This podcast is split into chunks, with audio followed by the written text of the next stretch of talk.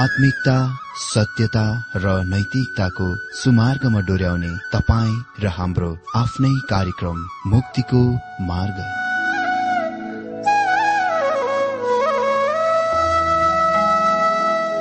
आदरणीय श्रोता यस मुक्तिको मार्ग कार्यक्रममा हार्दिक स्वागत छ। आशा छ यस आत्मिक कार्यक्रमद्वारा जीवनमा आत्मिक आशिष अलौकिक शान्ति र आनन्द प्राप्त गर्नुहुनेछ। र जीवनमा धन्य अनुभव गर्नुहुनेछ। आउनुहोस् श्रोता। मन र आत्माको तयारीको लागि यो मिठो अनि मधुर भजन गीत सुनौ।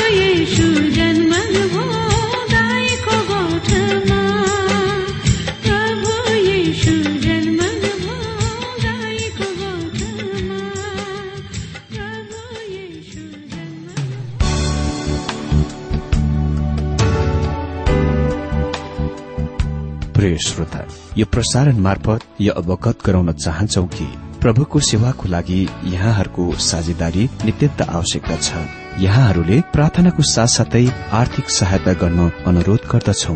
तपाईँहरूको सानो भन्दा सानो भेटी किन नहोस्? हामी प्रभुको नाममा स्वीकार गर्नेछौ। प्रभुको सेवाको लागि। तपाईँहरूको यो सानो लगानीले कसैको जीवनमा भिन्नता ल्याउँछ? अनि प्रभुको महिमा हुन्छ। प्रभु तपाईँहरूलाई महान गरी आशिष दिनुहुनेछ। इच्छुक श्रोताहरूले तपाईँको इच्छा भेटी हाम्रो ठेगानामा पठाउन सक्नुहुन्छ जुन ठेगाना हामी कार्यक्रमको अन्तमा दिनेछौं। प्रिय श्रोता मित्र प्रभु येशु ख्रिष्टको मधुर अनि सामर्थ्यनामा मेरो जयमसी तथा हार्दिक स्वागत छ आजको यो बाइबल अध्ययन कार्यक्रममा।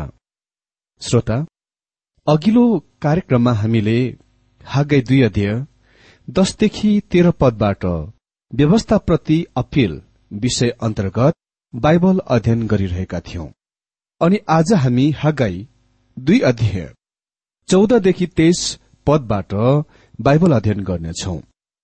आजको बाइबल अध्ययनमा प्रवेश गर्नभन्दा पहिले म अघिल्लो दिनमा अध्ययन गरेको शास्त्र खण्ड एकपल्ट पाठ गरिदिन्छु। हागाई दुई अध्यय दसदेखि तेह्र पदमा लेखेको छ दाराका राज्यको दोस्रो वर्षको नवौं महिनाको चौबिसौं दिनमा परम प्रभुको यो वचन हागै अगम वक्ताद्वारा आयो। सर्वशक्तिमान परमप्रभु यसो भन्नुहुन्छ पुजारीहरूलाई व्यवस्थाले के भन्छ सोध। यदि कुनै मानिसले आफ्नो लुगाको पोल्टोमा पवित्र पारेको मासु पोको पारेर त्यस किनारले केही रोटी सुरुवा दाग मध्य तेल वा अरू कुनै खाने कुरा छोयो भने के त्यो पवित्र हुन्छ र? पुजारीहरूले जवाब दिएर भने हुँदैन। तब हागैले भने मुर्दा छोएको दूषित मानिसले यस्तो कुनै एउटा कुरा छोयो भने के त्यो दूषित हुन्छ? ती पुजारीहरूले जवाब दिएर भने त्यो दूषित हुन्छ। हुन्छ हामी हागै दुई अध्यय चौध पदमा प्रवेश गरौं। यहाँ लेखेको छ तब हागैले भने मेरो दृष्टिमा यो प्रजा यो जाति त्यस्तै छ भनी परमप्रभु भन्नुहुन्छ। यिनीहरू जे गर्छन् र जे चढाउँछन् त्यो दूषित हुन्छ। तिनीहरूका अशुद्ध हृदयहरूले परमेश्वरको लागि तिनीहरूका सेवालाई अशुद्ध अनि अपवित्र बनायो। यो नै कारण उद्धार नपाएका व्यक्तिले कुनै कामहरू गर्न सक्दैन जुन परमेश्वरलाई ग्रहणयोग्य हुन्छ। मतलब उद्धार नपाएको व्यक्तिले गरेको जुन सुकै कामहरू पनि चाहे त्यो असल काम नै किन नहोस् त्यो उहाँलाई ग्रहणयोग्य हुँदैन। अहिले तपाई पद पन्ध्रदेखि उन्नाइस पदहरूको सम्बन्धमा बाइबल टिप्पणीकारहरू टीकाकारहरूका बीचमा अलग अलग विचार पत्ता लगाउनुहुनेछ। कसै कसैले विचार गर्दछन् कि यी पदहरूमा उल्लेखित कुराहरूले आफ्ना मुलुकमा फर्किआउने ती बाँकी बचेकाहरू वा रेमनेन्टको अवस्थाको पुनर्लोकन गर्दछ जब तिनीहरूले परमप्रभुको आज्ञा पालन गर्न र मन्दिरको निर्माण गर्न भन्दा पहिले परमप्रभुको भवन मन्दिरप्रति तिनीहरूका चासो नदेखाउने वा चासोको अभाव थियो। अर्का टिप्पणीकारहरूले यो विचार दिन्छन् कि यी पदहरूले मन्दिर भवन बनाइसकेपछि मानिसहरूका निरुत्साहको संकेत गर्दछ किनभने यसले तिनीहरूका दुर्भाग्यहरूको ज्वार भाटालाई फर्काइदिएन परिवर्तन गरिदिएन। हागै तिनीहरूलाई भन्दछन् त्यहाँ काम गर्नलाई समय भएको छैन र खराबसँग पवित्रताको भन्दा ठूलो सरुवा वा अरूलाई सर्ने शक्ति छ र त्यसको असर अझ धेरै समयसम्म रहँदछ तर मेरो बुझाइ यो हो कि परमेश्वरले इसरायल कहाँ अशुद्धले शुद्धलाई दूषण गर्ने वा अशुद्ध गर्ने महान सिद्धान्तको लागू गरिरहनु भएको छ। यो कुराको नमूनाद्वारा स्पष्ट गरी देखाउनलाई कि यद्यपि तिनीहरूले मन्दिर बनाए तापनि तिनीहरूका हृदयहरू अझै परमेश्वरबाट अति नै धेरै टाढा थियो र उहाँले तिनीहरूलाई आशिष दिन सक्नु भएको थिएन। पन्ध्र पद विचार गर। आज उपरान्त यस कुरामाथि राम्ररी विचार गर। परमप्रभुको मन्दिर बनाउँदा ढुङ्गामाथि ढुङ्गा लगाउन अघि स्थिति कस्तो थियो? विचार गर। मित्र उसले भनिरहेका छन् कि यो दिनदेखि यता उहाँले तिनीहरूलाई आशिष दिन गइरहनु भएको छ किनभने तिनीहरू अहिले परमेश्वरतिर फर्किआएका छन्। सोह्रदेखि उन्नाइस पदमा लेखिएको छ ती दिनमा बीस मुरी लिन आउनेले दसै मुरी मात्र पाउँदथ्यो। दाग मध्येको कोलबाट पचास लिटर निकाल्न आउनेले बीस लिटर मात्र पाउँदथ्यो। मैले तिमीहरूकै हातका सारा कामलाई नाशक रोग ढोसी र असिनाले हाने। तैपनि तिमीहरू मतिर फर्केनौ भनी परमप्रभु भन्नुहुन्छ। आजको दिन उसो जुन दिन परमप्रभुका मन्दिरको जग बसालिएको थियो अर्थात् नवौं महिनाको चौबिसौं दिनलाई राम्ररी विचार गर। के धनसारमा बिउ अझ बाँकी छ? दाको लहारा नेभराको बोट अनार र जैतुनको बोटले अहिलेसम्म फल फलाएको छैन। आजको दिनदेखि म तिमीहरूलाई आशिष दिनेछु।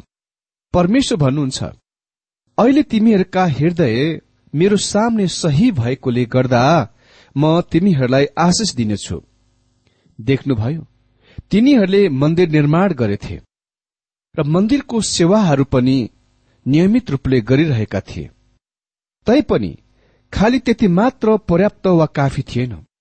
वास्तवमा जब परमेश्वरले तिनीहरूलाई कैदमा पठाउनुभयो तिनीहरू मन्दिर सेवाहरूमा भएर गइरहेका थिए। मतलब तमाम गर्नुपर्ने मन्दिर सेवाहरू गरिरहेका थिए। धर्म विधिहरू धार्मिक कृतिहरूको पालन गरिरहेका थिए। समस्या खालि यही मात्र थियो कि तिनीहरूका हृदयहरू सही थिएनन्। मेरो मित्र तपाईँले आफ्नो मण्डलीलाई असल मण्डली असल चर्च बनाउन सक्ने एउटा तरिका यसको मतलब यदि तपाईँसँग बाइबल शिक्षा सिकाउने प्रचारक पास्टर अगुवा सेवक छ भने हजुर आफ्नो मण्डलीलाई असल मण्डली बनाउन सक्ने एउटा तरिका हो। त्यहाँ जानुहोस् र प्रार्थना गर्नुहोस् पापहरूको स्वीकार गर्नुहोस् प्रस्ताव गर्नुहोस् र शुद्ध पवित्र गरिनुहोस्। तब तपाईँले कुनै आशिषहरूलाई छेक्नुहुन्न जुन त्यस दिनमा मण्डली कहाँ आउँदछ। यो कुराको याद राखौ जब अशुद्धले शुद्धलाई छुँदछ त्यहाँ के हुन्छ भने शुद्ध अशुद्ध बन्दछ। तपाईँको हृदय आशिष हुन पाउन भन्दा पहिले परमेश्वरसँग ठिकठाक वा सही हुनु पर्दछ त्यो अति नै महान सिद्धान्त छ। त्यसपछि हामी निम्न पदहरूमा देख्छौ परमेश्वरको कार्यक्रम योजनाको प्रकाश। पद। अनि त्यही नवौं महिनाको चौबिसौं दिनमा दोस्रो चोटि परमप्रभुको वचन हागै कहाँ आयो? नवौं महिनाको चौबिसौं दिन। उही एउटै दिन हो जुनमा पूर्ववर्ती वा अघिल्लो सन्देश दिइएको थियो। त्यो दिसम्बर चौबिस थियो। एकपल्टको कुरा हो। मलाई यो कसैद्वारा प्रश्न सोधियो किन हागैले उही एउटै दिनमा दुईवटा सन्देश दिए? अनि मैले यसरी उत्तर दिए सम्भवत हागै क्रिसमसको लागि घर जान चाहन्थ्यो त्यसकारण आफ्नो घरमा जान भन्दा पहिले उसले यी दुईवटै सन्देश दियो। अ कोही कोही मानिसहरूले मेरो कुरालाई अति नै गम्भीरतापूर्वक लिए। अनि मैले दश पानाको लामो पत्र पाएँ जहाँ यो लेखिएको थियो कि हगाईको दिनमा क्रिसमस कति पनि मनाउँदैनथ्यो अर्को पत्रले मलाई यो सूचित गर्यो कसैले पनि क्रिसमस कहिले मनाउनु हुँदैन। हजुर वास्तविकता यो हो कि जब मसँग प्रश्नको उत्तर हुँदैन म सामान्य गरी केही ख्याल ठट्टा गर्ने हँसी मजाको उत्तर दिन्छु। अनि यदि तपाईँ यस वचनलाई उम्कन दिनुहुन्न भने म तपाईँहरूको सामने यो कुरा स्वीकार गर्दछु। मलाई थाहा छैन किन हागाईले त्यस विशेष दिनमा दुई सन्देश दिए त। तर यहाँ ती दुवै सन्देश छन्। एक्काइस पदमा लेखिएको छ यहुदाको राज्यपाल यरुबाबेललाई भन् कि म आकाश र पृथ्वीलाई हलाउनेछु। यहुदाको राज्यपाल यरुबाबेललाई भन् कि म आकाश र पृथ्वीलाई हलाउनेछु। यहुदाको राज्यपाल यरुबाबेलाई भन् यो सन्देश चाहिँ नागरिक शासक यरुबाबेलाई हो। यो मानिस जुन दाउदको राजकीय घराना वा वंशमा छन् अनि यो उसलाई परमेश्वरको प्रतिज्ञा हो। बाइस पदमा लेखिएको छ म शाही सिंहासनहरूलाई पल्टाइदिनेछु र विदेशी राज्यहरूको शक्तिलाई म चूर्ण पार्नेछु। म रथहरू र तिनका सवार हुनेहरूलाई पल्टाइदिनेछु। घोडा र घोडचडीहरू आफ्ना आफ्नै दाजु भाइहरूको तरवारबाट काटिनेछन्। मित्र भनेको छ विदेशी राज्यहरूको शक्तिलाई म चकनाचुर चूर्ण पार्नेछु। जब परमेश्वरले भन्नुहुन्छ कि उहाँले पृथ्वीहरू र स्वर्गीयहरूलाई हल्लाउनुहुनेछ र शासन गर्ने सरकारहरूलाई पल्टाउनुहुनेछ वा महाक्लेश अवधिको बारेमा कुरा गरिरहनु भएको छ। जस्तो कि उहाँले यो दुई अध्यय छ र सात पदमा कुरा गर्नुभएको थियो। उहाँ भन्नुहुन्छ उहाँले रथहरूलाई पनि पल्टाइदिनुहुनेछ। किनभने त्यो कुरा थियो जुनमा मानिसहरूले भरोसा गरे। अनि हाम्रा दिनहरूमा त्यो आणुविक हात हतियारहरू हुन्। परमेश्वर भन्नुहुन्छ म त्यो सबै कुरालाई हटाउन गइरहेको छु। त्यसपछि निम्न पदहरूमा हामी देख्छौ भविष्यको लागि प्रत्याशा। भविष्यको लागि प्रत्याशा। त्यस पदमा भनिएको छ सर्वशक्तिमान परमप्रभु भन्नुहुन्छ। त्यस दिन हे सालतेलको छोरो मेरो दास यरुबाबेल म तलाई मेरै छाप औठी जस्तै तुल्याउनेछु किनभने मैले तलाई रोजेको छु। सर्वशक्तिमान परमप्रभु यही घोषणा गर्नुहुन्छ। मित्र यहाँ लेखिएको छ त्यस दिन। यो कुराको ध्यान दिनुहोस्। यहाँ यो लेखिएको छैन यो दिन। अह लेखेको छ त्यस दिन। यसले अगाडि अन्तिम समयहरूतिर निहाल्दछ हेर्दछ। म तलाई मेरै छाप औठी जस्तै तुल्याउनेछु। छाप औठी चाहिँ शाही वा राजत्वको चिनारी र निशान थियो। कुनै मानिसले यसको चिठीहरू तमसुकहरू वा प्रलेखहरूको सही गर्न प्रयोग गर्दथे।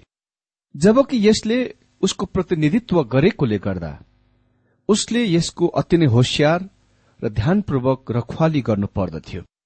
र प्राय जसो उसले यसको लगाउँदथ्यो। यो अत्यन्तै महान पुरस्कृत र स्वामित्वको प्रतिनिधित्व गर्न आउँदथ्यो। मित्र लेखेको छ किनभने मैले तलाई रोजेको छु सर्वशक्तिमान परमप्रभु यही घोषणा गर्नुहुन्छ। हामीले देखिसकेका छौं कि यरुबाबेल दाउदको वंशमा छन्। परमेश्वरको प्रतिज्ञा यो हो कि केवल दाउदबाट भएर मसिहा मात्र आउनुहुन्न उहाँ यरुबाबेलद्वारा पनि आउनुहुनेछ। यो कुरा देख्न अति नै चाखलाग्दो छ कि यदि तपाईँले प्रभु येशुको वंशवाली दुवै मती रचित सुसमाचार एक अध्यायमा र रुकत रचित सुसमाचार तीन अध्यायमा पढ्नुहुनेछ भने दुवै दाउद र यरुबाबेल दुवै वंशवालीहरूमा छन्। परमेश्वरले यरुबाबेल प्रति आफ्नो प्रतिज्ञाको पूरा गर्नुभयो। प्रभु येशु ख्रिस्ट यरुबाबेलको पुत्र हुनुहुन्छ जति उहाँ दौदको पुत्र हुनुहुन्छ। यो भविष्यवाणी त्यो दिनतिर हेर्दछ जब प्रभु येशु महान क्लेश अवधिको अन्तमा आउनुहुनेछ। अनि परमेश्वर यरुबाबेलको वंशलाई दाउदको वंश वा लाइनलाई प्रभु येशु ख्रिष्टको व्यक्तिमा विश्व ब्रह्माण्डको सिंहासनमाथि राख्न इरादा गर्नुहुन्छ। उहाँ राजाहरूका पनि राजा प्रभुहरूका पनि प्रभु हुनुहुन्छ। उहाँ शासन गर्न पृथ्वीमा आउनुहुनेछ। यो हगाईको सानो पुस्तकले ख्रिस्टलाई उहाँको यथोचित पद स्थानमा नैतिक शासकको रूपमा नागरिक शासकको रूपमा र त्यस दिनमा यो पृथ्वीमाथि शासन गर्न राजाको रूपमा राख्दछ। जुनले नै यो सानो पुस्तकलाई अति नै धेरै महत्वपूर्ण पार्दछ। अहिले यो सत्य हो कि हागैको दिनमा बनाइएको सानो मन्दिर भवन जुन यरबाबेलको मन्दिरको रूपमा जानिन्दथ्यो त्यति धेरै आकर्षक र सुन्दर थिएन। तर त्यो महत्वपूर्ण कुरा छ किनभने यो मन्दिरहरूको लाइनमा छ। मसी आफै स्वयं एक दिन आउनुहुनेछ जुनमा। मेरो मित्र फेरि म तपाईँलाई यो भन्न चाहन्छु। कि हाम्रो यो दिनमा कसले चाहिँ महान काम गरिरहेको छ र कसले चाहिँ काम गरिरहेको छैन? सो कुराको कसले तय गर्न गइरहेको छ त?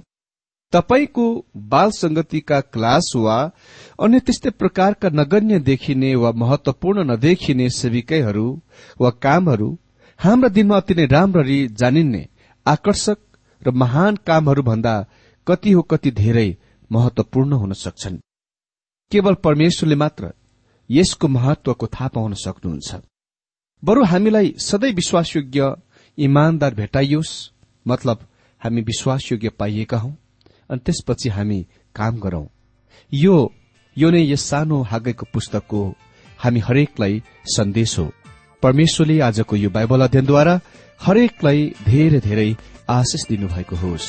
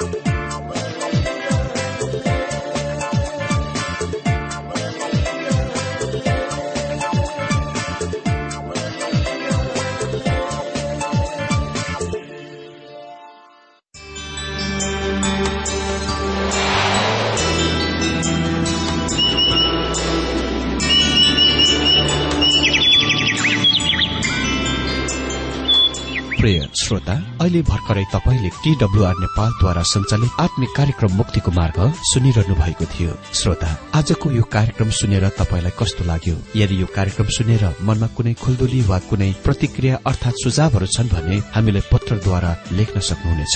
हामी हृदयदेखि नै स्वागत गर्नेछौ स्वीकार गर्नेछौ साथै बाइबल सम्बन्धित प्रचारहरू कार्यक्रम सारणीहरू हामी अनुरोधमा पठाउन सक्छौ। अनि तपाईँसँग कुनै प्रार्थनाको विषय छन् भने हामीले तपाईँको लागि प्रार्थना गरेको चाहनुहुन्छ भने प्रभुमा आफ्नै परिवार सम्झेर हामीलाई पत्रमा लेख्न सक्नुहुनेछ।